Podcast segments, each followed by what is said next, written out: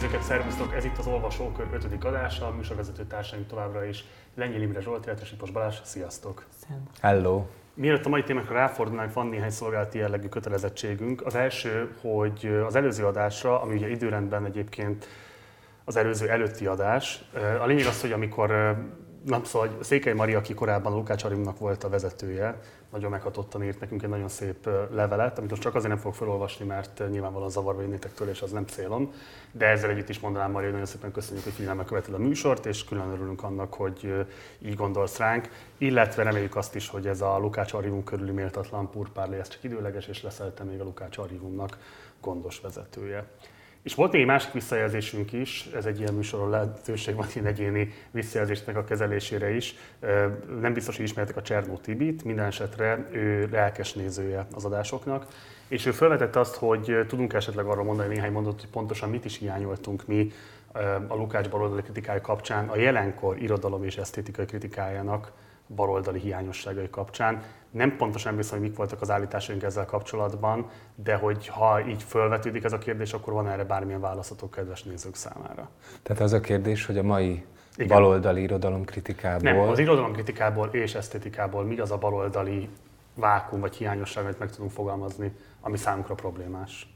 Talán így a Lukácshoz képest én első blikre spontánul rögtönözve azt mondanám, hogy azt a fajta uh, irodalmi kulturális hagyományismeretet hiányolnám én, ami a fiatal Lukácsnak már megdöbbentően, megdöbbentően korán megvolt. Tehát azt, hogy, hogy, a, hogy, hogy a mai baloldali kriti, irodalomkritika, ha van ilyen, nem is biztos, hogy van ilyen, vagy nem biztos, hogy ez egy létező terminus, de mondjuk azt, hogy azok a nyilvánosságbeli beszédmódok, amelyek valami fajta emancipációs funkciót kérnek számon a történő irodalmon, valamilyen fajta emancipációs funkciónak a betöltését, kiteljesítését, egy ilyen szo- szocialista projektumot mondjuk. Ezek a beszédmódok nagyon gyakran nem elég informáltak a, akár a magyar irodalmat, akár a magyar ö, kritikai irodalomtudományt ö, ö, illetően, annak az elmúlt 100-150-200 évét illetően, hanem egy nagyon ö, az aktualitásra, a maiságra fókuszáló, inkább a politikai közbeszédbe áthajló protokoll szerint vizsgáztatják az irodalmat. A történeti tudatosság hiánya? Igen, ez, ez, ezt rögtönözném elsőre. Jó, de most arra válaszoltam, mit hiányolsz a baloldali irodalomkritikából, viszont a kérdés szerintem alapvetően arra irányult, hogy igazából az irodalomkritikából milyen baloldali szempontok hiányoznak szerintetek? Zsolt nagyon elkerekedett szemmel nézel, nem tudom, hogy ilyet produkáltál már a műsor folyamán. Ebből által ezen a csatornán mi meg szoktak kerekedni, úgyhogy lehet erre válaszolni bármit is esetleg. Nem tudom, az osztályvakságot hiányoljuk? Vagy, vagy nem tudom, hiányoltok egyébként bármit is? Hogy érzitek, vannak egyetlen baloldali szempontok? De ha most nekem is valamit rögtönözni kell a Lukács kapcsán, akkor én azt mondanám, hogy, hogy talán ez pont a Lukácsnak egy, egy, egy kevésbé szerencsés öröksége, viszont hogy, hogy, a, hogy ahogy ebben a, a szövegben is hogy a múltkori Lukács szövegben is látszódott, hogy, hogy a Lukács is szeret ilyen, ilyen mindent vagy, vagy semmit módon gondolkodni, vagy valamiképpen, valamiképpen ugye ilyen nagy-nagy blokkokat elképzelni, és ilyen módon ebben a szövegében, vagy a, rég, a, a fiatalokri szövegében persze, de, a, de még a későbbi szövegeiben is minden, minden materializmus a dacára bele csúszik egy kicsit ilyen idealista vonulatba, tehát ami, ami olyan, olyan, olyan elképzeléseket fogalmaz meg a világgal szemben, amiket a világnak kutya kötelessége teljesíteni, és hogyha a világ nem, nem teljesíti, akkor a, akkor a, a, a baloldali értelmiségi hátra dőlhet, és azt mondhatja, hogy ő megmondta, hogy, hogy milyennek kéne lenni a, a világnak, és ha, ha nem ilyen, akkor az, az elég szomorú. Tehát itt, a, itt, a, itt, a, itt az apró munka, vagy a valósághoz való rétegzett viszony szerintem az, ami, ami, ami talán még fokozható lenne, és ennek szerintem része a tudatosság is, tehát, hogy, tehát a, a hagyományhoz való tudatosság, de hogy a hagyomány is szerintem azért fontos, hogy, hogy a saját pozícióját, meg a más pozíciókat be tudja mérni az ember, hogy mi is az a, mi is az a világ, amiben, amiben mozog tulajdonképpen, vagy mit is. Tehát, hogyha mond valamit, vagy csinál valamit, akkor mi az a, az erőhálózat, vagy mi az a hálózat, ami, ami megmozdul Bármit lehet hozzáfűzni, Balázs? Igen, én a te véleményedet szeretném megkérdezni. Aha, sejtettem, hogy is. Nincs róla véleményem, csak egy kérdés volt, és gondoltam, hogy bedobom, mert hát, hogyha van hozzá bármilyen hozzáfűzni valatok. Én nagyon kevés ismerem a magyar irodalom kritikát, hogy merjek bármifajta megállapítást is tenni. Nem is olvasom olyan szinten, nem is látom, hogy igazából milyen szintereken zajlik egy-két ilyen kiemelkedőbb felületét látom, de a mérétegeit egész biztosan nem. Na jó, de azt viszont látod, hogy nem látod, és biztos te is vissza tudsz emlékezni rá, hiszen már te is olyan öreg vagy, mint én, hogy a fiatal korunkban még nem lehetett nem látni az irodalomkritikát a napi sajtóban. Ma meg látjuk, hogy Ez nem így látjuk. igaz. Ez így igaz. És Heti akkor- sajtóban van, tehát, nem tudom, tehát ha mondjuk azt kérdezed, hogy milyen típusai jutnak el hozzám az irodalomkritikának, akkor tudom mondani az életirodalmat, magyar van is litera. Azért ez valószínűleg tényleg a én értelemben vett felszi, most nem a, a, az oda publikáló szerzőket akarom minősíteni, hanem nyilván ennél sokkal gazdagabb a szintér, de arra igazából nekem rálátásom nincs. De ezekre, amire, amire rálátsz, abból, abból mit szűrsz le? Ezekből. Te mennyi- mennyire érzed kellőképpen kritikusnak? Mondjuk így a partizánhoz képest. Ezt szerintem, hogy ha már így bele, belekeveredtünk ebbe, Ha már majd belekerülünk, akkor legfeljebb kivágjuk. Benne, csak ti. Igen, jó, Persze. rendben, ez, nem, ez egy jogos.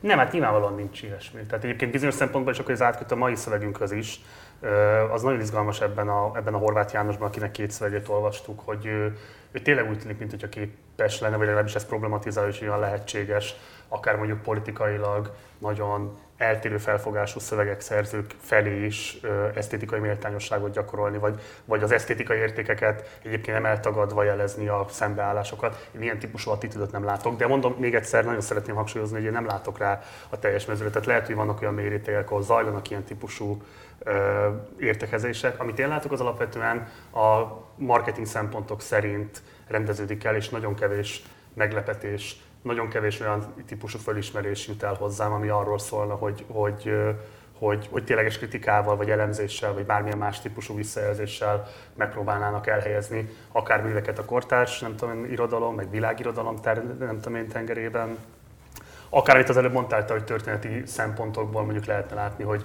milyen hagyományokhoz kapcsolódik, milyen hagyományokhoz nem képes kapcsolódni, nem veszi észre, hogy milyen vakfoltjai vannak. Tehát például ilyen típusú kultúrtörténeti kritikát én például egyáltalán nem látok a, a, az irodalomkritikának ebben a hétköznapi spektrumában.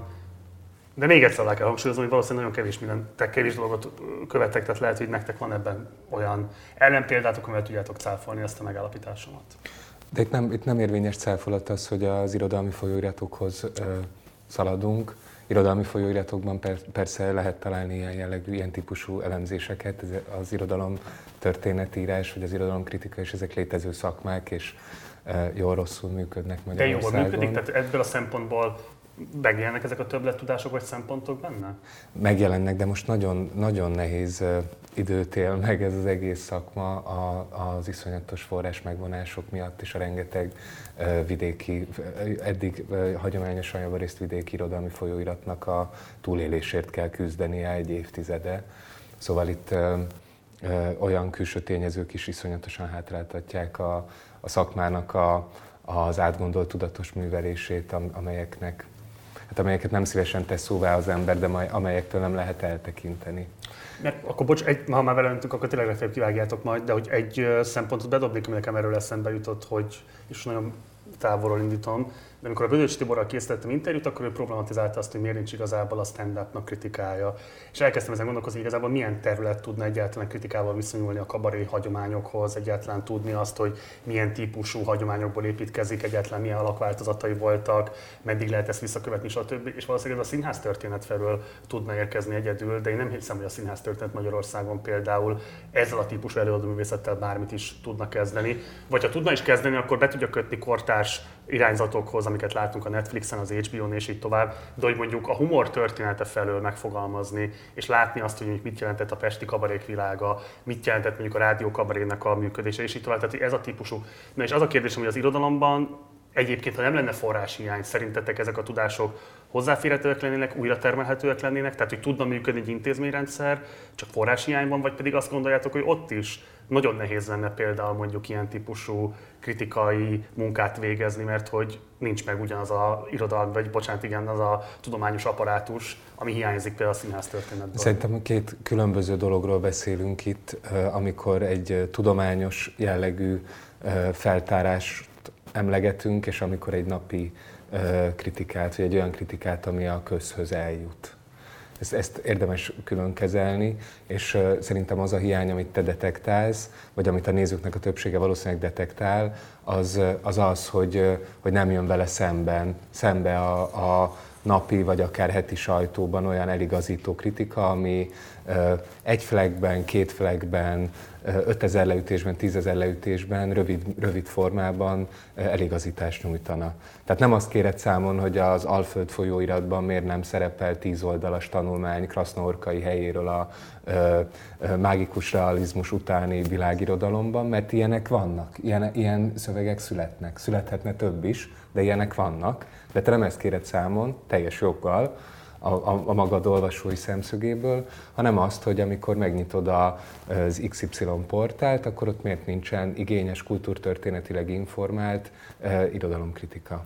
Ugye? Ha De akkor ez a, és, a, a, és erre az a válasz, hogy a forráshiány. És, és nem az a válasz, hogy részben persze az, de a forráshiányt én inkább az irodalmi folyóiratokra mondtam.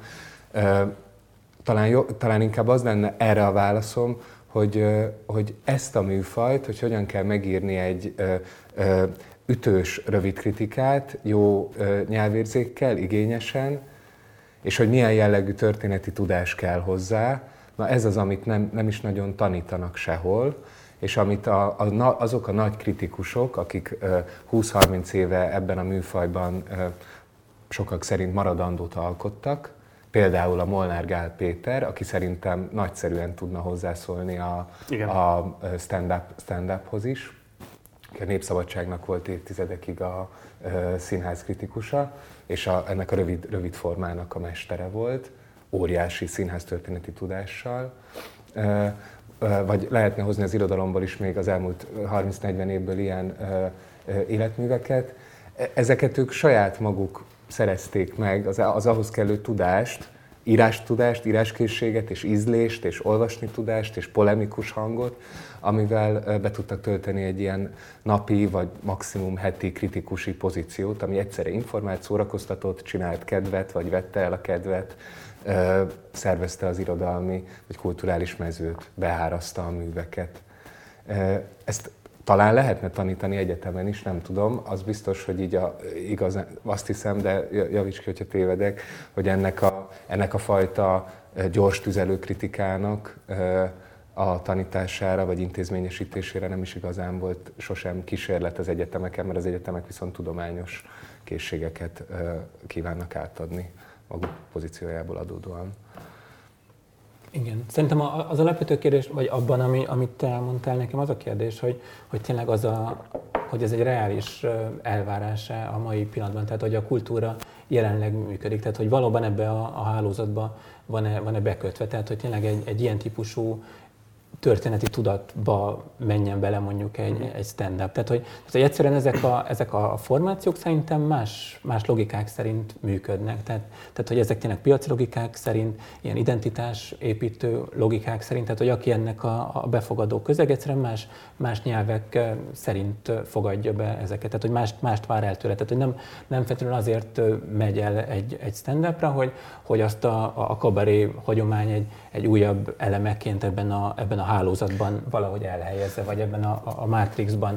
Tehát, hogy ez, ez egy más típus, és ez szerintem átköt erre a, a mai szövegekre, tehát, hogy itt szerintem pont ez a, ez a fordulat, a, amit a horvátnál is, is látható, hogy, itt, hogy ez a kétfajta, a közönségnek ez a kétfajta viszonyulása, tehát hogy, tehát, hogy van egy ilyen állandó jelenben élő közönség, aki, aki, aki szórakozni akar, aki identitást akar kapni, aki az aktuális divatban részesülni akar, aki, aki el akarja tölteni az idejét, és van egy másfajta befogadó, aki, aki tényleg ezt horizontális és vertikális ilyen mátrixokban akarja látni, hogy, hogy miben tér el az összes többi lehetséges műalkotás változattól az, ami, ami éppen a, a szem elé kerül, és ne, nem biztos, hogy ezek a, a típusú befogadók dominálnak manapság.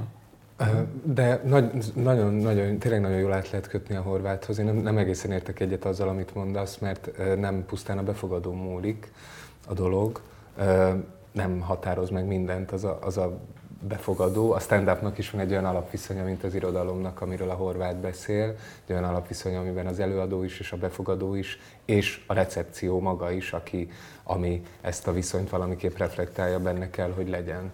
Amikor a Bödöcs megfogalmazza azt az igényt, hogy legyen kritikai, tudatosabb viszonya uh-huh. a közbeszédnek az ő műfajához, akkor egy ugyanolyan igényt fogalmaz meg, mint amit a Horváth János szerint a 19. században az irodalom maga is megfogalmazott akkor, amikor ő maga is létrehozta a saját kritikáját, aztán a saját történetét. És ugyan ez egy nagyon primitív most ezt ilyen leíró értelemben mondom, hogy primitív genetikus séma, amit a Horváth János is követ, minden történetírásban, vagy ilyen antropológiai vizsgálódásban megtaláljuk, hogy, hogy először kifejlődik a reflektálatlan tudat, aztán az reflektálni kezd magára, a környezetére, a másikra, stb., és valami fajta kritikai viszonyt alakít ki vele szemben. Ezt a sémát használja az irodalomra is a Horváth János de hogy, és ezt írja le az egyik szövegben, amit már olvastunk, de hogy, hogy erre, hogy, hogy, hogy ezt a primitív sémát mégiscsak rá lehet húzni az összes popkulturális műfajra a 20. században. Tehát ahogyan most elmondott, hogy hát szerinted a stand-upnak a nézői azok nem kíváncsiak a, a, a stand-up kritikájára, ugyanezt, ugyanezzel a váddal illették a, az összes a 20. századi újabb és újabb könnyű műfajoknak a nézőit, a tévénézőktől kezdve a sorozatnézőkön át, a számítógépes játékokat játszókon keresztül, és hát közben azt látjuk, hogy a, léteznek tévékritikák, sorozatkritikák, számítógépes játékkritikák, stb. Ez nem zárná ki önmagában azt, hogy a stand-upnak legyen ezt nem érvényes mondtam, kritikája. Ezt szóval sem mondtam. Nem. Hát azt mondtad, hogy nincsen valami fajta igény rá. De azt nem jelenti azt, hogy nem lehetne. Oké. Okay. Oké, okay. oké. Okay. Tehát nyilván lesz is, de... Tehát nem, nem, te azt mondtad, hogy ebben a kulturális konstellációban a stand-up egy olyan, ö, olyan fogyasztói ö, igényekhez igazodik, és egy olyan piaci funkciót lát el, amely nem érdekelt abban, hogy ö, kritikai viszonyt alakítson ki saját magával szemben, vagy hogy hagyományba ágyazza magát. Ezt mondtad. Azt, igen, azt mondtam, hogy, hogy lehet, hogy, hogy ez lehet egy ok, ami megmagyarázza, megmagyarázza azt, hogy pillanatnyilag miért nincs. De ez, ebben teljesen igazad van, de, de azért erről lehetne beszélni a horvát kapcsán is, hogy, hogy ez, egy, ez egy jó, tehát hogy nyilván erre ebbe az irányba terelik, a, tehát megjelenik egy, egy újabb műalkotás típus, vagy egy újabb művészeti ág, akkor nyilván ebbe az irányba sodorja a, a víz, hogy, hogy akkor válik nagykorúvá, hogyha, hogyha megírja a, a saját történetét. Persze. És akkor, akkor ugye hirtelen a, a, az egész egy, egy más sémába, tehát hogy ugye hirtelen komolyan kell venni, Ugye ezt, ezt leírják minden, minden, minden mű, műtípus kapcsán, hogy ugye addig lehetett szórakozni rajta, utána komolyan kell venni, ki kell húzni magunkat, szép ruhát kell venni, tisztában Igen. kell lenni, emelkedik a, a belépési küszöb, a, az egyszerű, tehát az utcáról egyszerűen nem lehet bemenni, hanem az, az tudja felfogni, hogy miről van szó, aki ezt a, a történelmet előbb megtanulta. Tehát, hogy, tehát azért ez egy kétarcú dolog, amikor, amikor minden egyes újabb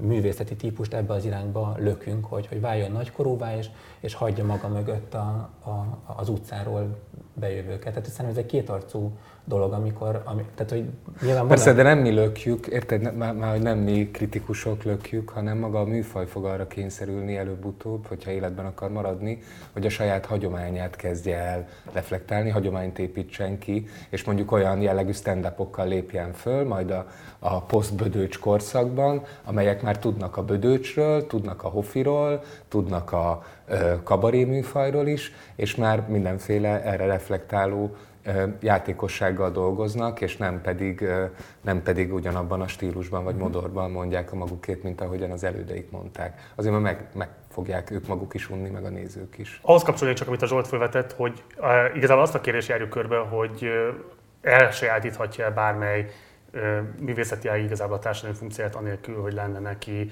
kritikai hagyománya és jelene. Hát, hát valamilyen funkciót be tud tölteni, mert fogyasztják. Tehát lehet egy ilyen funkciója, hogy a piacon működik, megnézik 1 millióan, 5 millióan, 10 millióan.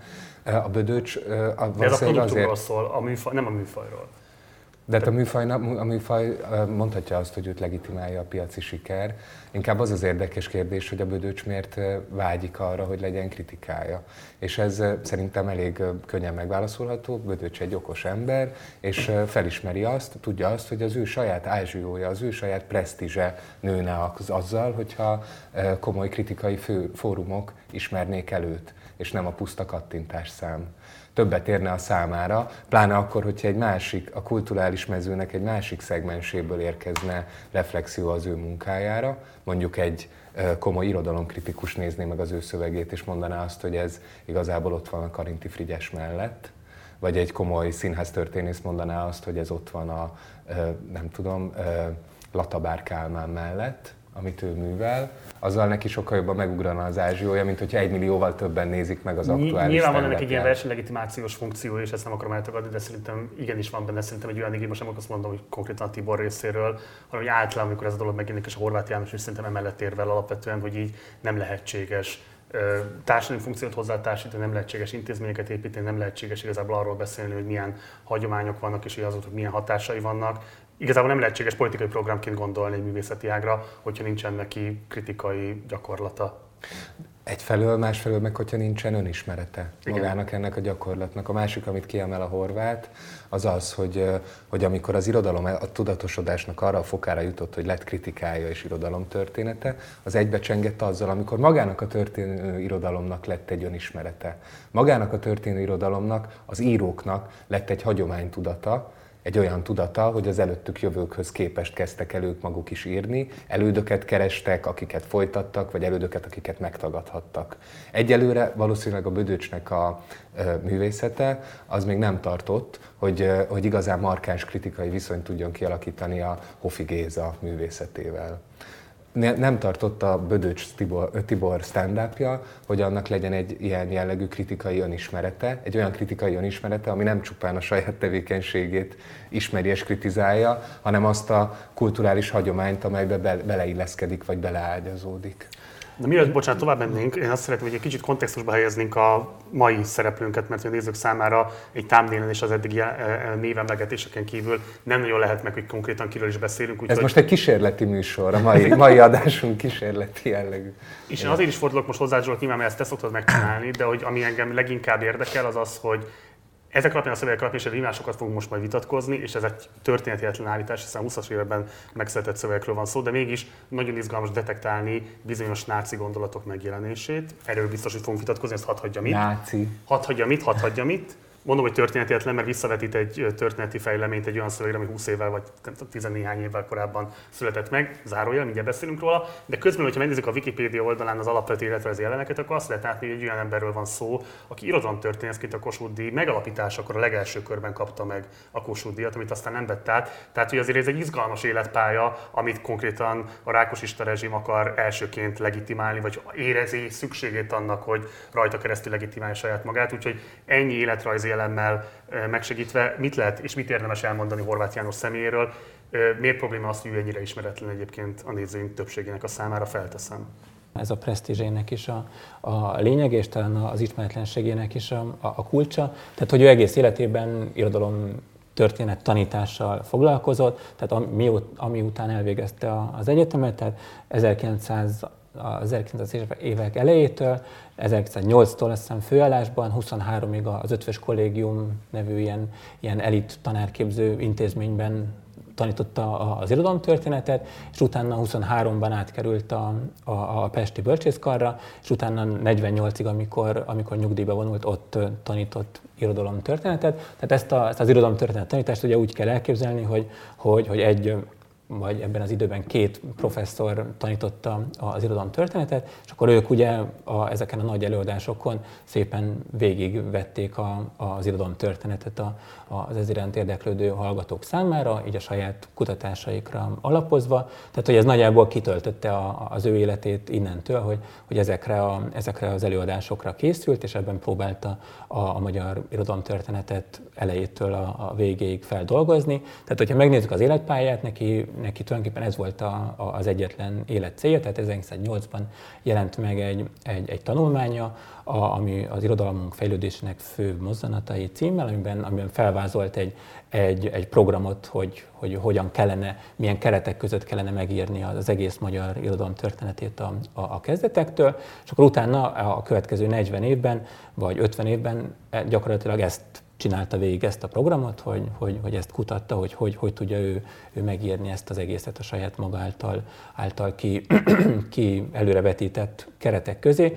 Volt egy, volt egy rövid ilyen kritikusi, publicisztikusi pályaszakasz, amikor a, a nyugat az, az akkor még frissen indult nyugattal. Vitázott, tehát ennek a legfontosabb szövege az Adi is a legújabb magyar líra, amiben az Adi Endre költöztetőt próbálta meg, meg elhelyezni, tehát ez, ez ugye ami ebben a, ebben a szövegben is beszél arról, hogy mik a, a, a konzervatív kritikának a, a mulasztásai, tehát ő ezt próbálta megcsinálni a, a tízes évek elején, és ugye a, a Forradalom után című szövege volt az, a, amiben ezt az új, új irodalmiságot próbálta elhelyezni a, a, a magyar irodalom egészében, és ugye emiatt az Adi is megharagudott rá, és a Tisza István is megharagudott rá, aki, akinek alapjában közölte ezt a, ezt a cikket. Az egyik, mert nem, nem kezelte elég nagy, nagy becsülettel, vagy, vagy, vagy nem tudom micsodával, a másik pedig amiért túl komolyan vette ezt, a, ezt az új irodalmat. És ugye a másik, a másik ilyen mm, epizód pedig 1923 és 26 között, amikor a Napkelet című folyóiratnak volt a, a, az alapító szerkesztő, amit Tormai Cecillel szerkesztett, ami, aminek tulajdonképpen a, ez, a, ez a a, az Aranytoladék című szöveg valamilyen bizonyos értelemben egy ilyen programadó szövege, vagy ennek a, ennek a lapnak a, a, a programját, vagy, vagy rendeltetését próbálja meg, meg körülrajzolni. De hogy ezeken kívül ugye ő, a, ő az egyetemen, tehát azoknak a körében mozgott, akik, akik a hallgatói voltak. Tehát hogy nyilván nem tehát visszahúzódott ebből a, a, a publicisztikus szférából. Tehát, hogy a, a közismertsége nyilván összefügg ezzel, hogy, hogy ez volt a, a, az életterve, amit megpróbált megvalósítani, azt hiszem. Mielőtt Balázs átvenni a szót, legelső kérdésként nagyon szeretném föltenni azt, hogy hogyan viszonyultok az a megállapításához, amiben megír, határozza igazából, hogy szerintem mi az irodalom, mert ad rá egy eléggé éles definíciót, és nagyon kíváncsi vagyok, hogy ezt ti hogyan tudtok viszonyulni úgy írja le, hogy írók és olvasók szellemi viszonya írott művek közvetítésével ennél elvontabb, szélesebb és egyszer, mint igazabb alapra alig lehet visszavezetni az irodalom állandó lényegét. Mit gondoltok erről a megfogalmazásról, mi szerint ez volna az irodalom állandó lényege? Érdekesebb lesz ez a definíció akkor, amikor megpróbáljuk megérteni, hogy, hogy miért csúszik bele minden ö, ö, feltételezhető jó szándéka ellenére antiszemitizmusba ez az irodalomtörténet ti diskurzus, amit a Horváth János művel.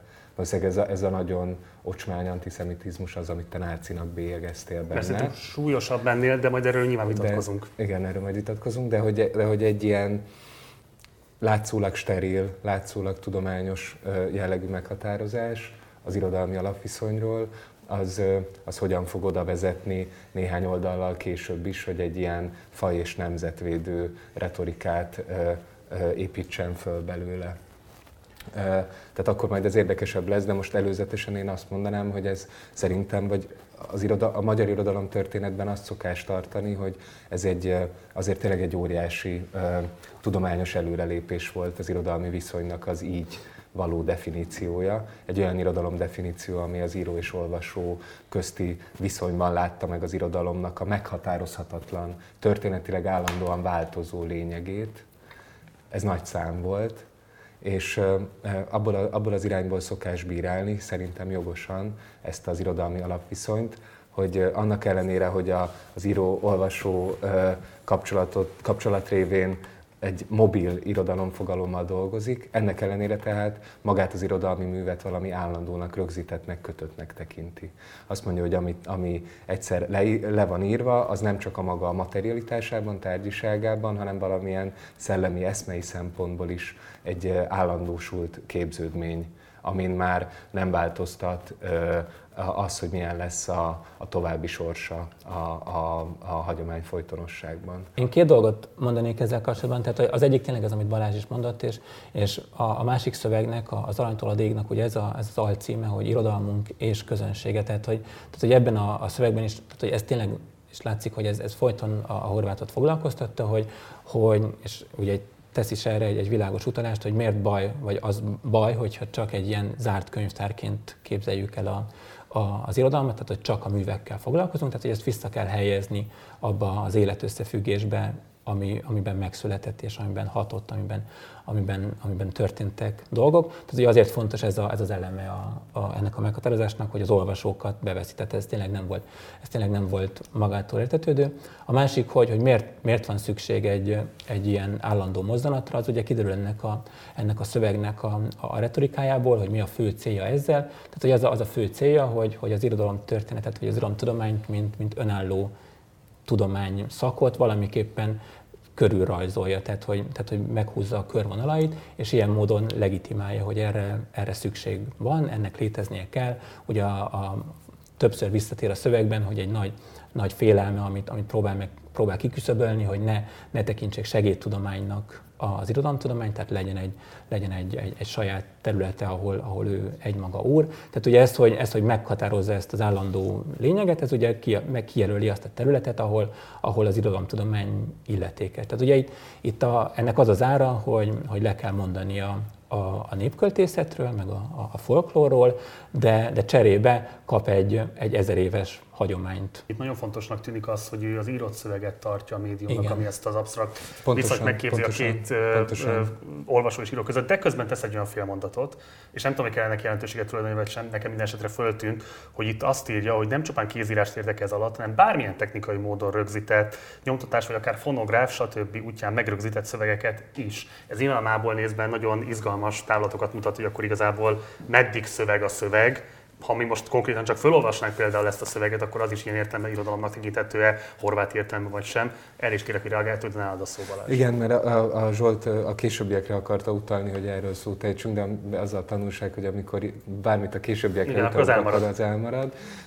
És én ezt akartam fölhozni már akkor is, amikor a Bödöcsről és a stand beszéltünk, mert még érdekesebb annak viszonylatában, hogy, hogy ott ugye az a műfaj, egy folklorisztikus műfaj, egy leíratlan műfaj, az, az képes-e irodalommá válni, vagy nem. Ugyanígy a slam poetry esetében is ezek a viták állandóan újra meg újra fölmerültek, hogy irodalmi műfaja vagy sem. Ennek a horváti definíciónak az értelmében valószínűleg nem, bár én azt nem tudnám megmondani, hogy egy YouTube-ra fölvett stand-up vagy slam az miben különbözik egy fonográf felvételtől. Semmiben. Hát szerintem az a kérdés, hogy leírt szöveget közvetít például, nem, nem ez a kérdés szerinted? Szerintem nem ez a kérdés.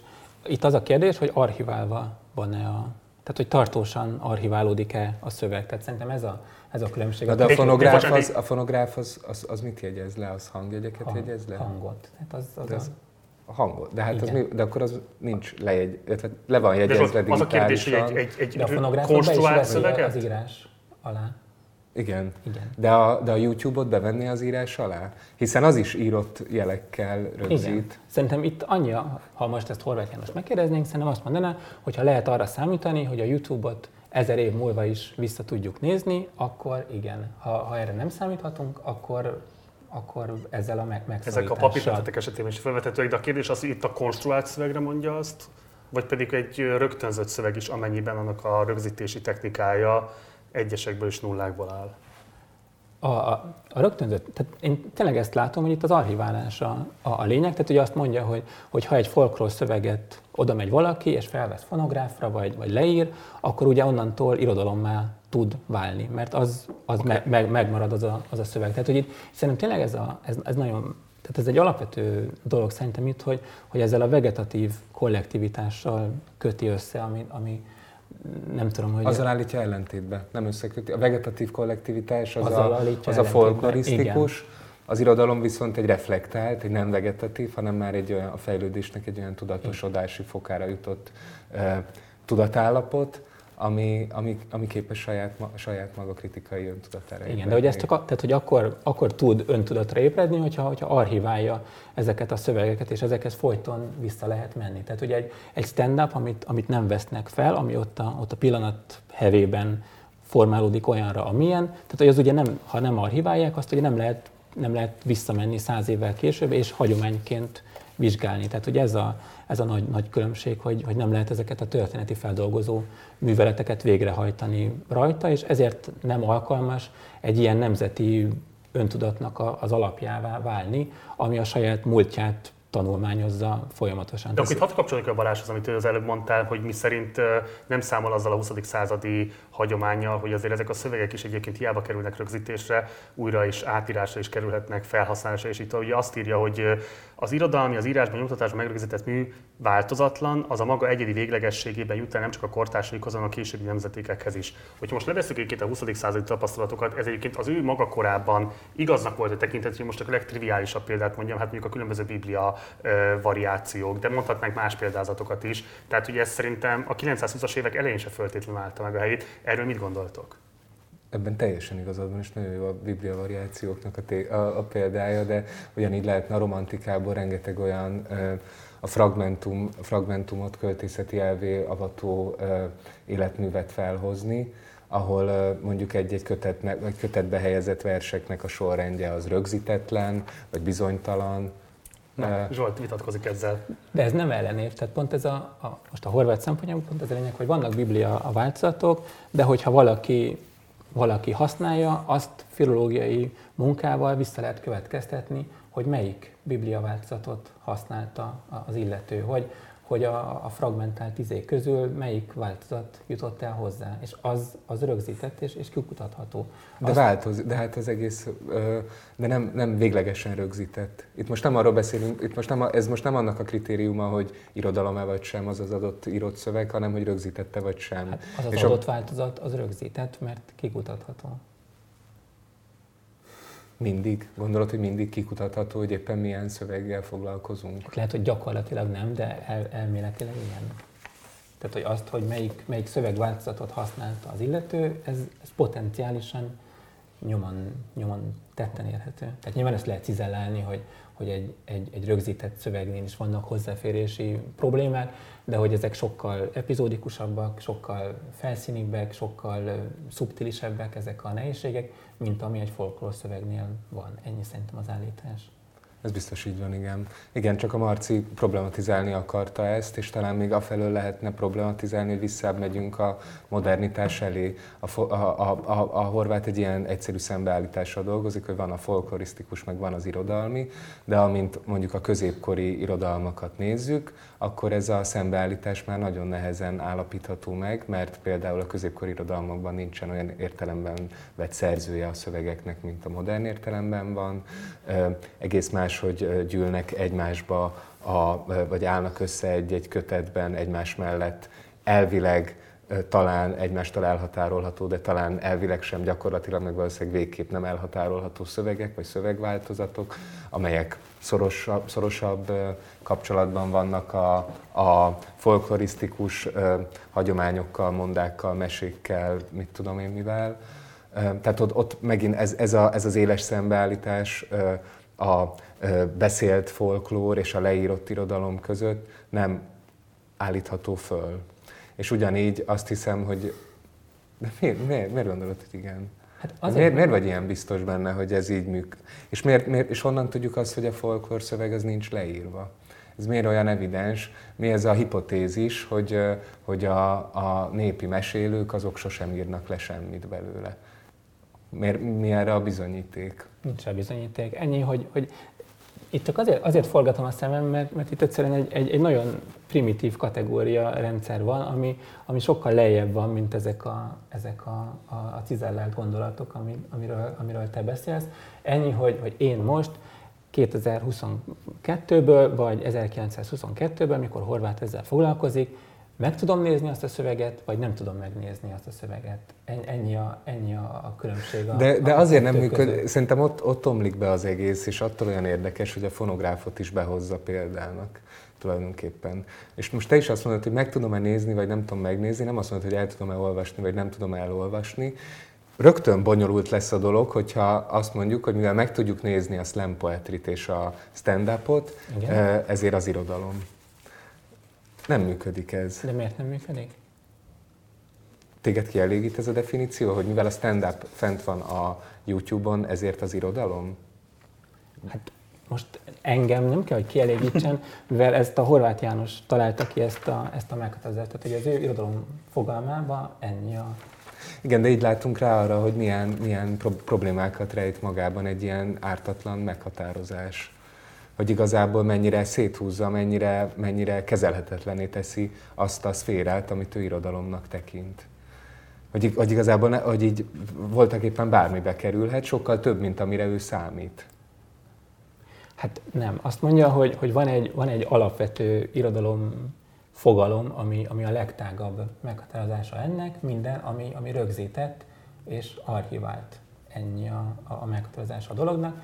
És azt mondja, hogy erre ráépül, ugye erről szól a, a szövegnek a, a kétharmada, hogy erre ráépül egy ilyen folyamatos szűkítés, ami, ami ezt, a, ezt a hatalmas és, és divers anyagot nem fogadja el irodalomnak, mert jönnek ezek a fokozatok, hogy már csak a, az ilyen és ilyen típusú lejegyzett és rögzített és hozzáférhető dolgokat fogadom el irodalomnak, és minden mást ki, kivettek ebből a, a kategóriából. Tehát, hogy azt mondja, hogy ezek, a, ezek az időhöz kötött irodalom fogalmak, amik meghatározzák azt, hogy egy adott pillanatban mit fogadnak el irodalomnak. Tehát ugye pont ez a dolognak a lényege, hogy, hogy attól még, hogy valami írott, attól még a 18. század után nem fogadják el mindet irodalomnak. 18. század előtt nagyjából, ami le volt írva, azt, azt bevették az akkori irodalom fogalomba, megváltozott az irodalom fogalom, onnantól ez egy sokkal szűkebb dolog. De ő azt mondja, hogy kitágítja. De valóban ezt rekonstruálja, hogy az ő irodalomtörténetíró elődjei hogyan szűkítették egyre inkább és inkább az irodalomtörténeti vizsgálódásokat. Ő viszont azt mondja, hogy ő nem akar szűkíteni, éppenséggel egy olyan ö, ö, irodalomtörténetet akar megvalósítani, ami a lehető leginkluzívabb. Sokkal inkluzívabb, mint, a, mint, a, mint az őt megelőző Toldi Ferenc féle irodalomtörténet, vagy Bőti Zsolt féle mhm. irodalomtörténet. Igen, azt mondja, hogy, hogy annyiban legyünk inkluzívabb, hogy minden egyes korszaknak azokat a, azokat a, a termékeket vegyük be, amik az adott kor irodalom fogalma szerint megfeleltek az irodalomnak. Tehát azt mondja, hogy, hogy olyan értelemben legyünk inkluzívak, hogy ne olyanok legyünk, mint Bőti Zsolt, akik csak a, a magyar nyelvű és művészileg megformált dolgokat veszik be, és ezért a középkorból a, az összes latin nyelvű prédikációt és egyebeket ki, kivágják a, a dologból. Tehát ez a, a középkornál fontos, meg a 18. században fontos, és azt mondja, hogy, hogy ahogy megváltozik az irodalom fogalom, úgy, úgy kell szűkítenie az irodalom történésznek is. Tehát, hogy a 19. században nem kell a, a, a vasúti menetrendet és a, és a, a nem tudom micsodát is, is bevenni a, az irodalom történetbe, dacára, hogy, hogy, hogy rögzítve van, mert nem tekintik ebben a korszakban irodalomnak. Ezt mondja. Hadd egy másik problémát is, amit felvették, kíváncsi hogy erről mit gondoltok. Ugye az irodalomtörténeti menet ír arról is, hogy az ő felfogása szerint hol bicsaklott félre a nevez, így nevező klasszicizmus az irodalomban. És ez egy izgalmas dilemma, mert ugye ő azt a történeti folyamatot vázolja föl, hogy a nemzeti önébredésnek a progr- politikai programja kitermelte a maga irodalmát is, de ennek lett egy nagyon sajátos esztétikai érzéki minősége is, és ennek a legeklatánsabb példája Arany János, illetve Petőfi. A Petőfi azonosulás történeti okokból kifolyólag sokkal ö, könnyebb volt, már akkor is, azóta még inkább talán, és hogy emiatt Arany János árnyéba került, viszont Petőfiből pedig sajnálatos módon a legrosszabb elemek uh-huh. popularizálódtak, és ezzel elfajult konkrétan az a típusú költészet, amit ő fontosnak tartana, és ennek ő az irodalomban látja egy kicsúcsosodását Jókai Mor regényeiben, illetve publicisztikai műveiben, és így tovább. A ti megítélésetek szerint ő ténylegesen el tudja ismerni Petőfi költészetét, vagy pedig ez egy taktikai húzás a részéről, hogy aranyt az ő általa kívánatosnak tekintett pozícióba tudja húzni.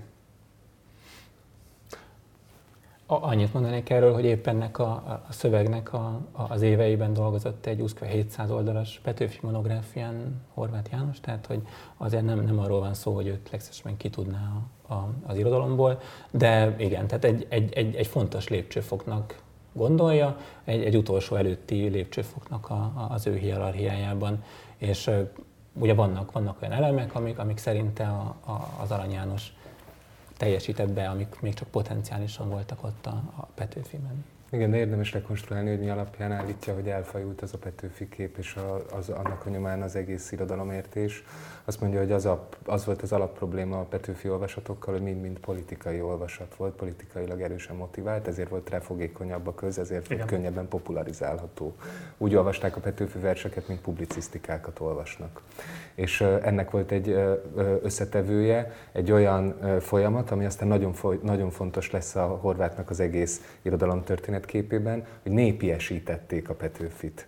Az ő átpolitizálásának az alapmozzanata az volt, hogy a nép egyszerű fiának és a nemzet megtestesítőjének kívánták tekinteni. Ennek viszont nem csak politikai, hanem nyelvi vonzatai is voltak. És a, ahogyan én látom, nem olvastam ezt a 700 oldalas Petőfi könyvét a horvátnak, de ez alapján, a szöveg alapján úgy tűnik, hogy az ő Petőfi olvasatának az a legfőbb kritikai mozzanata, hogy, hogy le akarja építeni azt az előfeltevést, miszerint a Petőfi verseinek a nyelve az tisztán népi lenne. Tehát egy kicsit úgy, mint egy be akarja szennyezni, pozitív értelemben, nem is be akarja szennyezni, mert azt állítja, hogy a Petőfinek a nyelve konstruktív, konstruktív módon be van szennyeződve azzal a klasszicizmussal, azzal a fentebb stillel, azzal a műviséggel, ha tetszik, ami a kazinciéktól jön, és aminek aztán valóban arany lesz a legnagyobb mestere. De mivel a Petőfi nyelve is ilyen művi nyelv, nem egyszerűen egy népi, közvetlenül a néphangját megnyilvánító valami, ezért az is okkal bízvás tekinthető inkább klasszikusnak, mint népinek, és és, és, és, és ez, az a, ez az a szegmens a Petőfi költészetnek, amit ezek a, ezek a magyarkodó, népieskedő, népnemzetieskedő, politikai olvasatban utazó utódok megtagadtak tőle. Ugye van egy, van egy szakadás a, a, a magyar udantörténetben, a Besenyei Kazinci táján, amikor ugye rá, ráébred a, a magyar kultúra, hogy mennyire el, elmaradt a, a nyugati vagy nyugat-európai kultúrától, és akkor hirtelen ez lesz a, a, magyar kultúrának a, a fő tevékenysége, hogy, hogy, hogy meghonosítsák a, a külföldön már létező, létező dolgokat, és akkor ugye itt elindul egy olyan folyamat, ami ugye ez az európai típusú irodalom megjelenik a, a magyar kultúrában, és utána rájönnek, hogy, hogy ez, ez így el van szigetelve a, a, a teljes közösségtől, és ez így nem lesz jó, és ez, ugye ez a, ez a klasszizmusnak a nagy munkája, hogy összedolgozza azzal a, a, az egyébként már létező közízléssel, ami, ami egyébként uralkodik a, a, a magyar mm, olvasóközönség körében, tehát ez lesz a népiességnek a, a valódi jelentése, hogy, hogy ezzel a már, már létező ízléssel összedolgozza ezt, a, ezt az európai típusú költözetet, és ugye ez, a, ez ezért össze Arany Jánosban, ahol, ahol ugye a ilyen európai színvonalon a, az egész addigi magyar történetet valamiképpen beemeli a, a, a saját költészetébe. És itt ugye, ugye ezek, még ennyit talán hadd had mondjak ehhez, hogy, hogy itt, itt, a, itt ebben a szövegben, de a, a, az Adi könyvében talán még, még világosabban fogalmaz ezzel kapcsolatban a, a horvát, hogy, hogy neki azt, azt tetszik a, a, a, az aranyjal kapcsolatban, ezt a kifejezést használja, hogy tendenciátlan, tehát hogy, tehát, hogy egy ilyen semleges dolognak képzeli el. Tehát, hogy, tehát hogy a Petőfi tényleg politikai álláspontokat, vagy állásfoglalásként értelmezhető dolgokat fogalmaz meg a, a költészetében, tehát ugye az aranynál minimálisan mm, találunk. Még ugye a Petőfi, meg az Adi szükségszerűen elidegenít magától bizonyos rétegeket, mert annyira, annyira radikális és annyira határozott álláspontot fogalmaz meg, hogy erre nem lehet számítani, hogy, a, hogy az, egész, az egész magyarságot integrálni fogja egy, egy ilyen típusú költészet. Egy másik fontos dolog, amit beemel, és akkor ezzel majd át fogunk lassan nevezni a Adival személyi kritikája, nyugattal személyi kritikája felé, de hogy nagyon élesen leírja azt, mi a probléma az irodalom oktatással, nagyon élesen bírálja azt, hogy ilyen irodalomtörténeti ismereteket ad át, életrajzi ismereteket ad át, és hogy ami számomra igazán szimpatikus, hogy konkrétan azt hiányolja, hogy az irodalmat, mint irodalmat nem olvastatja, tehát mint hogyha pont az érzéki élményforrásként nem segítené meg azt, hogy a diákok tudjanak az irodalomra ilyen formában tekinteni. Neki itt ez a ez ez a fontos, ami átköt ugye itt a politikai részéhez a dolognak, hogy, hogy ha megszeretik a, a gyerekek, mondjuk az aranynak a költészetét, akkor belátják, hogy, hogy milyen fontos ehhez az egész magyar hagyománynak a, az ismerete és megbecsülése, és ha megbecsülik ezt az egész magyar hagyományt, akkor ilyen értelemben jó nemzettagok lesznek, mert félni fognak attól, hogy ezt a nemzetet valami baj éri, és ezért óvakodni fognak minden, minden ezt veszélyeztető dologtól. Tehát kb. ez a, ez a gondolatmenet a, a szövegben. Legfőképp a zsidóktól és a nyugat-európai káros behatásoktól. És itt egy fontos kérdés, bocsáss, meg miért gondolja azt, hogy az Adi egyébként, tehát ha azt gondolja, hogy az Arany János foglalata és egyébként csúcs teljesítménye a magyar irodalom történetnek, és egyébként, hogyha valóban kellő időben foglalkoznának vele a diákok, akkor egyébként nem is akarnának mást olvasni, de mivel egyébként el van rontva az irodalom pedagógia, ezért a pad alatt már Adi Endrét olvasnak, mert ahhoz férnek hozzá. Tehát, hogy amivel szerintem igazából nem foglalkozik, és amire nem ad magyarázatot, hogy mitől jó ért, most rossz értelmével versenyképesebb Adi Endre költészete, mint Arany János. Ez pusztán csak a pedagógia és az irodalomoktatás hibája, hogy leneveli konkrétan a nemzeti irodalomról ilyen értelemben az ő felfogása szerint nemzeti irodalomról a diákokat? Igen, szerintem részben, részben van, egy ilyen, van egy ilyen szegmense, vagy egy ilyen vezérfonala az érvelésének. Ugye miről, arról szól ez a szöveg, hogy mit rontottak el a konzervatívok az elmúlt 70 évben. Ez a 2000, 2000, 1922-es szöveg. Igen. Száz éves szöveg, vagy 21-es, nem tudom. Mit rontottunk el, mi konzervatívok az elmúlt 70 évben, mit mulasztottunk el?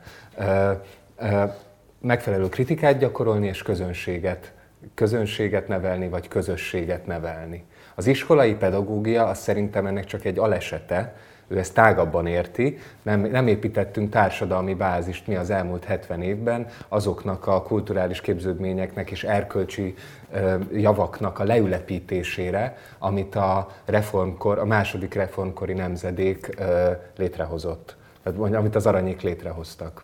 Az nem tudott leülepedni előbb a szabadságharc, aztán a Bach korszak miatt, Utána viszont már magunkra kell vetnünk, mert mi konzervatívok átengedtük a terepet a ö, mezei nacionalistáknak, a magyarkodó, népieskedő nacionalistáknak. Akit, akik zárójelben csodálatos marógúnyjal képes egyébként jellemezni. Igen, igen. Hát ők a, ők a, ők ez a, ők a nemezis, mert ugye mindig az a veszély, hogy őt is, meg a többi konzervatívat Igen. velük Igen. fogják összemosni. Azzal, hogy átengedtük a terepet, mint egy ezeknek a nyelvőröknek és magyar őröknek, akik a Petőfiből csak a politikait emelték ki, azzal mint egy, el, hagytuk, hogy elherdálják ezt a hagyományt, ezt az aranyi, jó, jó magyar arany, gyulai, kemény Zsigmond jó hagyományát.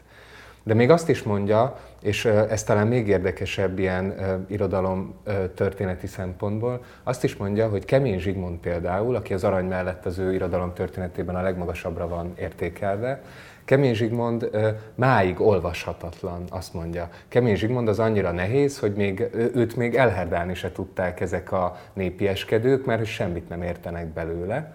És ez pont ezzel az irodalmi alap, ennek az irodalmi alapviszonynak a tükrében elég érdekes, és szerintem egy nagyon jó belátás az ő részéről, hogy, hogy mivel Kemény Zsigmondnak nem voltak értő olvasói, ezért ő tulajdonképpen nem, nem vált a hagyomány folytonosságnak a részévé, nem lett beépítve, nem lettek neki kritikai művekkel, kritikai művekkel, vagy értelmező művekkel nem lett megkönnyítve az ő olvashatósága, és akkor ott a Kemény Zsigmondnál az a helyzet, hogy azért nem őt olvassák a diákok a pad alatt, mert egyszerűen nincsen hozzá készségük. És, és, ő meg, és azt mondja a horvát, hogy ezzel szemben viszont a, a közösségépítésnek, a magyar közösség, mint egy ilyen lelki kollektívának a megépítésében például a Kemény Zsigmond az egy sokkal erősebb alapot biztosítana, mint a Jókai Mór életműve, mert hogy a Jókai Mór életműve sokkal publicisztikusabb, sokkal kevésbé irodalmi, esztétikailag nívótlanabb, gondolatilag szegényesebb a horvát szerint, mint a Kemény Zsigmondé. De az Adi is publicisztikus, tehát nyilván Igen. szerintem itt, itt, itt megy tovább a gondolatmenet, hogy nyilván az Adit, Adit is így, így, így olvassák, hogy, hogy mit mond, és az milyen izgi, és hogy megmondta. Tehát, hogy, tehát, hogy, azt, hiszem, hogy azt feltételezi, hogy a gyerekek ezzel az attitűddel olvassák, és nem irodalomtörténeti szemmel, hogy, hogy menő, igen, meg hogy, hogy durva dolgokat mond, és nem tudom. Konfliktusokat vállal a hatalom. Hát de az, amivel már találkoztunk egy előző szövegben is, hogy azt mondja, hogy az Adi az egy ilyen ösztön, ösztönköltő. Az nem egy reflektált valami, hanem csak így árad belőle a, ösztönszerűen a... Ennél azért talán elismerőd, um, nem? Nekem egyébként pont ezt teszi szimpatikusá, vagy izgalmas az, az írását, hogy ő egyébként az Adi esztétikai minőségét azt abszolút elismeri, csak nagy sajnálkozása van amiatt, hogy ez pont olyan politikai célok szolgálta van állítva, amikor lehet, hogy még Adi sem maga tud, vagy van ennek a tudatában? Hát azért azt mondja, hogy azt mondja egész pontosan, arra a modernségre, amit azonosít a nyugattal, és amit meg az Adival feleltet meg, már hogy a nyugat itt a folyóirat, hogy ez a modernség üres, erkölcsileg és művészileg meg nem kötött, tehát hitvány, javára a lelki fegyelem általános meglazulásának. Nem állított szembe semmi érdemit a klasszicizmussal, pusztán csak a tagadás szellemeként működött. De ez a politikai ítélete, ettől az még az esztétikai értékítélete szerintem pont az, hogy bár nem ért egyet vele, de elismeri azt, hogy ez egy kiváló, nagyon érzéki alkotó ember. Forduljunk rá az általam nácizmusként hivatkozott jellemzett problémakörre, mert szerintem ebből lesz most majd nagyobb vita még köztünk, és kíváncsi is vagyok nagyon a véleményetekre. Hogy a leg, hogy mondjam, a legdrámai pontra mutassak rá. Ez, a, ez, a, ez ennek az első szövegnek a legutolsó bekezdése, ez így hangzik. A nyugat, mely után ezer éve futunk, ez most itt a földrajzilag, a nyugat, mely után ezer éve futunk, halára ítélte műveltségünket is. Mit? Őt követve, magunkat nevelve, szent akarattal itt végre létrehoztunk. Itt ugye megjelenik az, hogy az egész kazinciéktól kezdve a, a magyar értelmiség az hiába valóan kapkodva próbálta behozni a nyugatot, és mindent megemésztetlenül átvett onnan.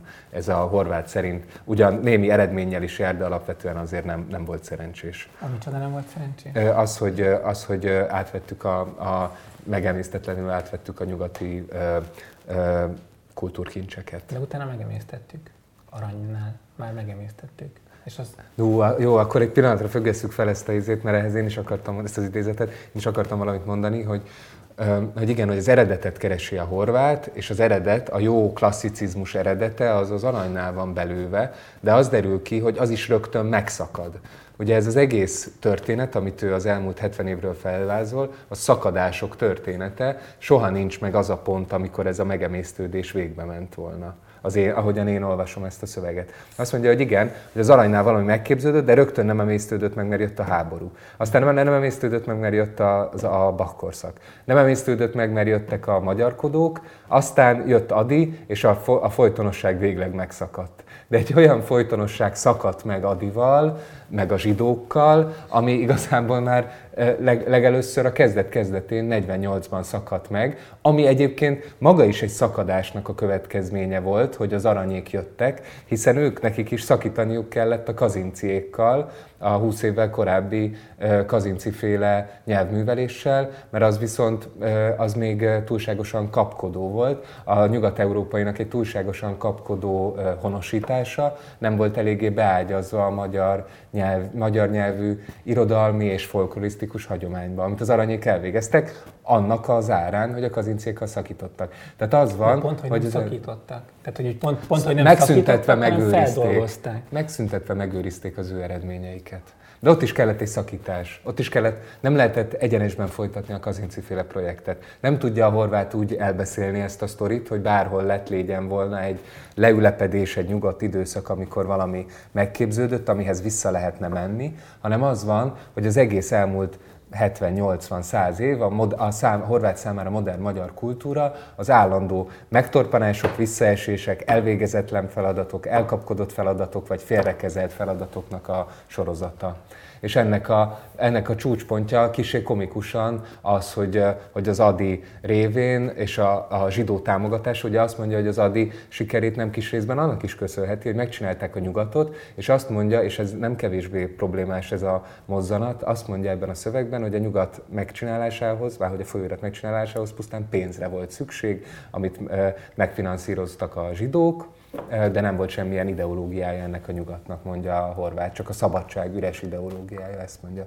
Ezt azért érdemes kiemelnünk, mert ez, ez tényleg nagyon bántóan e, e, együgyű érvelés. Mond csak. Nem, csak pont ezt akartam megkérdezni, remélem, hogy a genetikus szónak a történeti használata más is volt a korban.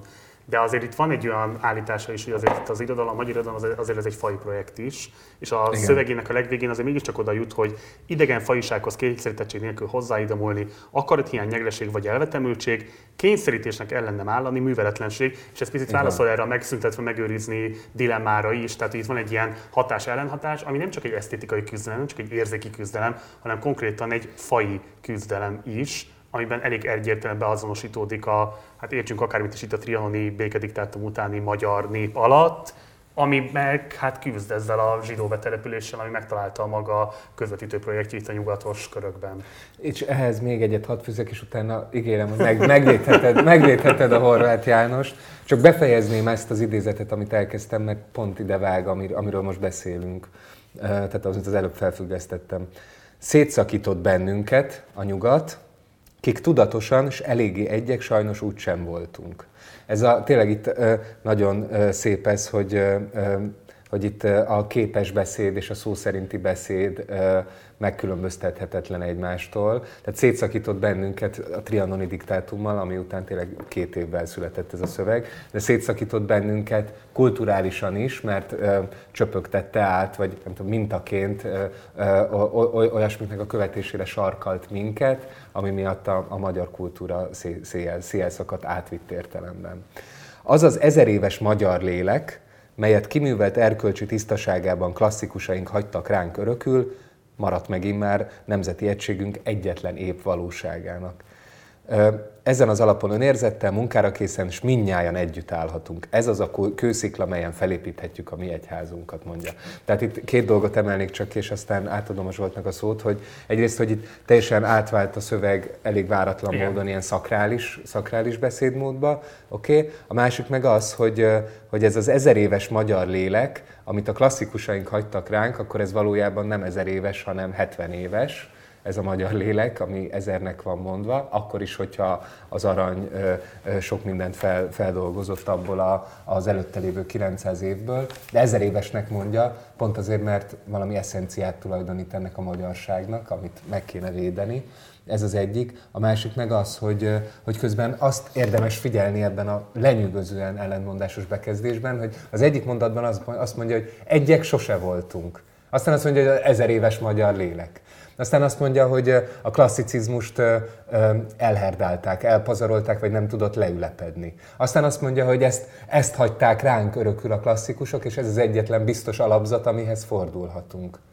Tehát ez a va, ö, szakadás van, vagy eredet van, megvan az a valami, ami volt, vagy már végleg beroncsolódott, senki nem is csinálta meg. Ezek között ö, csapódik ide-oda ez a diskurzus és azt hiszem, hogy azért szorul rá arra, hogy a végén már teljesen átmenjen katolikusba, és teljesen egy ilyen biblikus biblikus fogalm. Vagy. vagy református. Okay. Szóval, hogy egy ilyen keresztény biblikus beszédmóddal erősítse meg a keresztény Magyarországnak a teljesen, itt már teljesen mitikus méreteket öltő egységét, amihez, amihez vissza kéne szaladnunk, és amiben hát valóban nyilvánvalóan nem, nem férnek be a zsidók.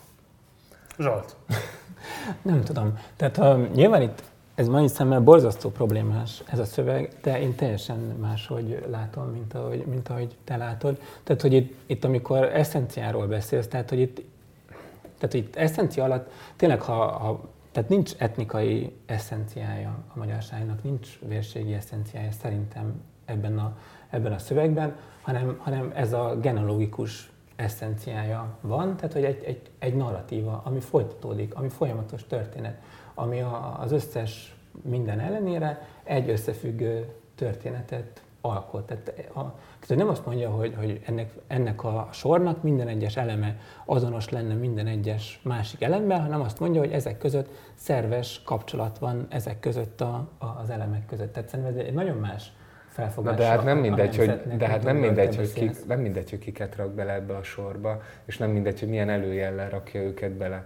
És mondjuk figyeld meg azt, hogy egy lelki közösségről beszél. Azt Igen. mondja, hogy ez a kulturális hagyomány egy a magyarság lelki közösségét hozza létre. Valóban nem vérségi alapon Igen. állítja a magyarság lényegi együvé tartozását, viszont mégis vannak olyan kimondatlan előítéletei arra vonatkozólag, hogy, hogy mi az, ami kvalifikálhatja magát arra, hogy ebbe a sorba beker, bekerülhessen. De mi diszkvalifikálódik? Hát például az Adi, most csak, csak ennél a szövegnél maradva, az Adi diszkvalifikálódik. Igen. Miért diszkvalifikálódik? Talán azon túl, hogy, a, hogy, hogy ugye az egy nagyon nagy baj az Adival, hogy a zsidók olvassák, és a zsidók, a zsidó finanszírozzák. és finanszírozzák és olvassák, és elősegíti a zsidóságnak a magyar kultúrába való beszivárgását.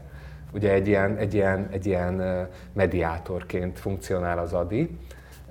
És ráadásul ugye az Adi, oké, okay? szóval ez az egyik baj vele, de a másik baj vele az az, hogy eleve elébe megy ezeknek a zsidó igényeknek, Adi és a nyugat, és, és nem magyar kultúrát állítanak elő, hanem zsidó, úgynevezett zsidó kultúrát állítanak elő, és ezzel valami idegenséget ékelnek be abba a magyar lélekbe, egy ilyen protézist ékelnek be, egy zsidó protézist ékelnek be a magyar lélekbe, aminek ott nincsen helye. Ez, a, ez is a probléma vele. És az is a probléma vele, valószínűleg, de ezt már nem mondja ki a horvát, hogy, hogy egyház ellenes, és hogy nagyon sokszor magyarság ellenes az Adi. Csak ebben a, ebben a szövegben erről nem beszél, de azt hiszem, hogy ki tudjuk olvasni, hogy azért hallgat ez az Adinak a költészetének ezekről a mindenki számára evidens vonásairól, mert hogy, mert hogy ez, is, ez is egy probléma, hogy, hogy nem affirmatív a magyarsággal szemben, hanem kritikus. És ezért, ezért nem, nem nincs helye ebben a lélekben. Nem, figyelj, hogyha, hogyha a Horváth Jánosnak a, a, a kritikussággal kapcsolatban problémája lett volna, akkor nem ezt mondja el a, a magyar konzervatív hagyományról, amit elmond, amiről nincs egy, nincs egy jó szava, nem a Szegfű Gyula lett volna a legjobb barátja, aki, aki 600 oldalon keresztül a három nemzedékben más se csinál, mint ostorozza ezeket a, a, az előző magyar nemzedékeket. Tehát, hogy itt, itt, itt pont a, ha, ha kéne mondanom valamit, akkor itt pont a, a, a kritikátlanság az, ami, tehát ez, ez ebben a szövegben is Ezt nem mondd már, hogy az Adival szemben fel lehet az vetni szemben 22 vagy kritikátlan. Az, az a problémája az Adival szemben, most, most előlépek a Horváth János fogadatlan provokátorává, tehát hogy itt, itt van egy, tehát itt az a lényeg, nem egy, nem egy náci horizont van, hanem egy konzervatív Igen. horizont van. Igen. Itt azt mondja, hogy az Adi nem gondolja végig, hogy mit csinál. Beszél ilyen dolgokat, osztályfeszültséget szít, a nemzetiségekről mindenfélét összehadovál, politikai kijelentéseket tesz, de nem gondolja végig, hogy mi ez a, a világpolitikai kontextus, mi ez a birodalmi helyzet, mi ez az egész, amiben, ez az, amiben, amiben ő beszél. Ezt a, a gyerekek komolyan veszik, és kész a baj. Itt a forradalom a, a nyakunkon, mert mindenkit bele, bele lovaltak ebbe a, ebbe a dologba, hogy, hogy itt ilyen érzelmi alapon kell viszonyulni a, a, a, a problémáinkhoz, és nem pedig racionálisan és tudatosan, és, és az, egész, az egész történetet végig gondolva, és, és ehhez a, a mozgástérhez viszonyítva a, a, a cselekvésünket. Tehát a, a, a horvát kávé ezt mondja szerintem, hogy, hogy az Adival, mint hogy a Petőfivel is, ez volt a baj, hogy, hogy nem volt elég higgadt, és, és és ilyen, ilyen szólamoknak teljesen, át a... Az az Adi, aki az elsők között ellenezte a háborút, és aki az elsők között sürgette azt, hogy a nemzetiségekkel minél előbb legyen valami kezdve, különben szét fog szakadni a történelmi Magyarország. Ez az Adi volt egy kicsit forró fejű és kapkodó. Oké. Okay. Egy, egyfelől, másfelől meg uh, uh, azért nagyon veszélyes ez, hogy a lelkiséggel jön mégis, mert, mert két lépésből oda fog, mégiscsak oda fog konkludálni, hogy ennek az adiféle költészetnek, ha egyáltalán így van, ahogy a nő mondja, tehát hogy tényleg túl elhamarkodottan fogalmaz és szíti ilyen-olyan feszültségeket az adi, hogy ennek az adiféle költészetnek ideális esetben nem, nem, nem lenne helye a magyar költészettörténetben, és nem kéne folytatni.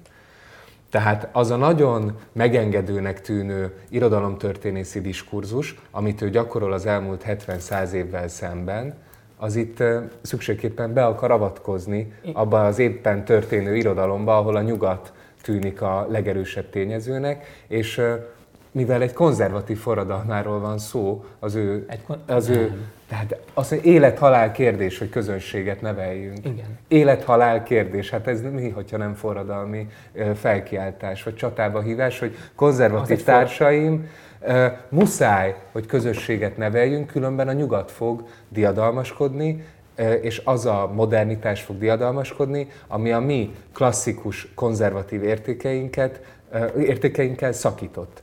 Ha mi most nem teszünk valamit, akkor a tagadás szelleme fog ö, győzni a modernitás. Ezt mondja a szövegben. És ez egy forradalmi, ez egy, ez konzervatív, attitűd, ez egy konzervatív forradalmi, ez egy konzervatív forradalmi attitűd, igen.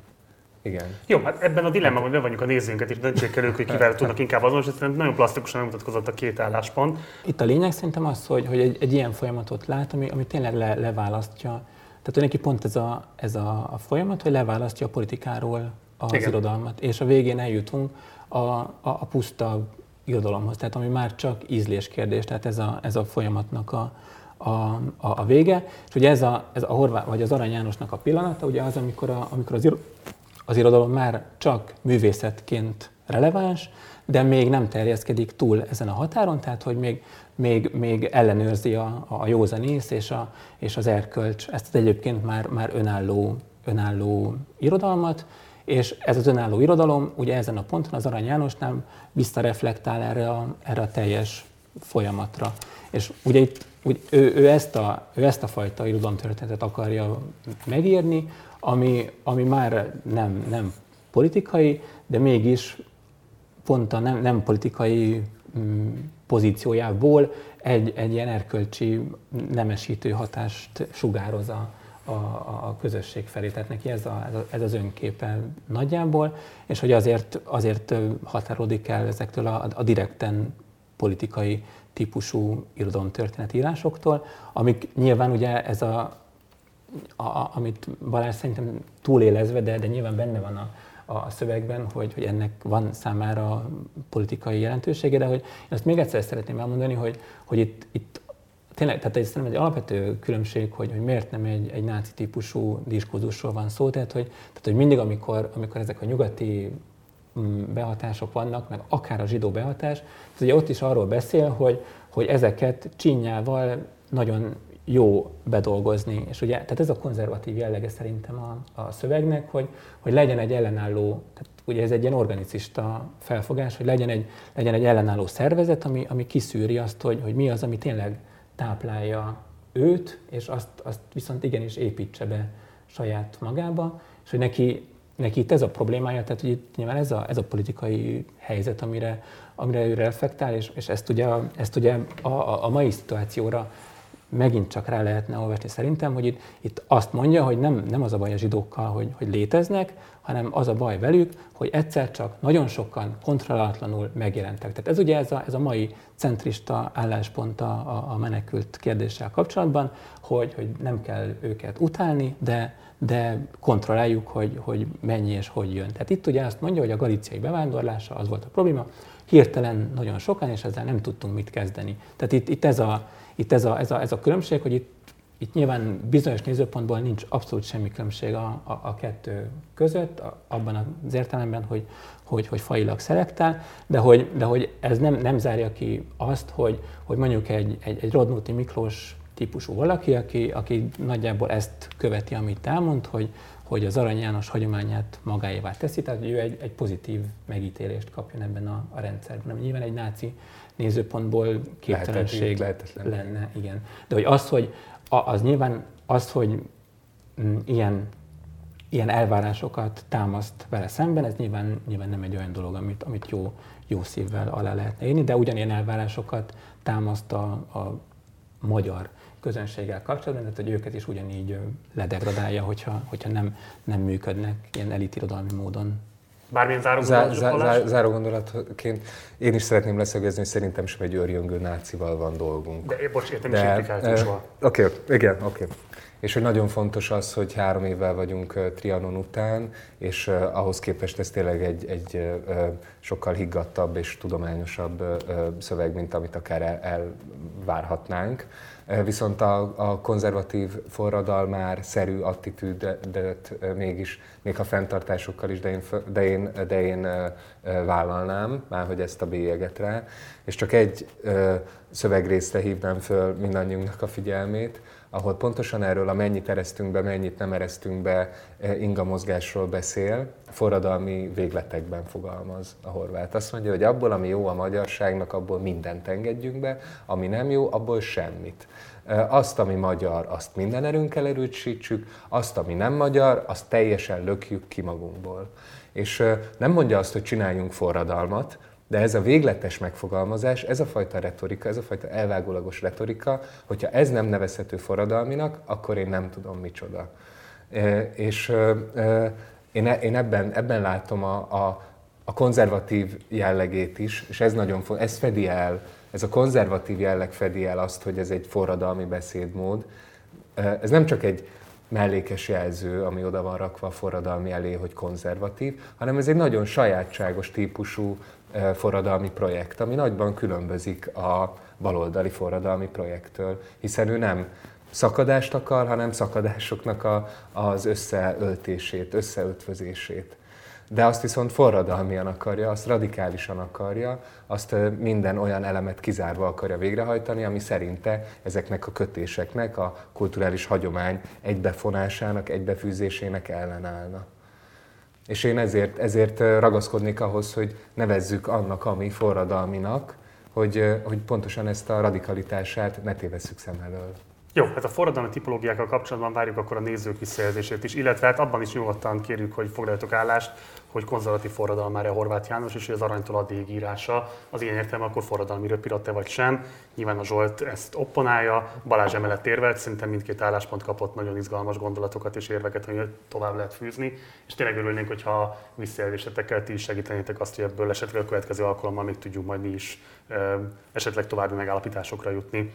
Zsolt, röviden kérlek akkor a végén az adásnak mondd el, hogy a következő alkalommal mit fogunk olvasni. Oké, okay, egy olyan szerzőt fogunk megnézni, akinek a, a problémái olyanok lesznek, amik talán segítenek erre máshonnan reflektálni, tehát a, a közönségnek a kérdése is, meg a forradalmiságnak a, a kérdése, és Kassák Lajos lesz a következő témánk. Jó, hát akkor hamarosan találkozunk újra. Köszönöm szépen, itt voltatok, nektek pedig köszönöm szépen a figyelmeteket. Mindenképpen iratkozzatok fel a csatornára, ha még nem tettétek volna, meg ha pedig megtehetitek, akkor kérlek, hogy fizessetek el a Partizánra a Patreon felületünkön keresztül, ehhez a linket megtaláljátok a leírásban. Ahogy már említettem, minden típusú visszajelzésnek örülünk, akár a komment szekcióban, akár Facebookon keresztül, akár e-mailben, bármilyen formában megtaláltok bennünket, úgyhogy kérlek, hogyha nézitek az adást és volt bármilyen felvetésetek, gondolatotok, akkor azt tegyétek meg, hogy velünk is megosztjátok, és akkor igyekszünk majd mi is a lehetőségünkhez képest reagálni majd rá. Hamarosan találkozunk, munkatársaimnak köszönöm a figyelmeteket, ciao.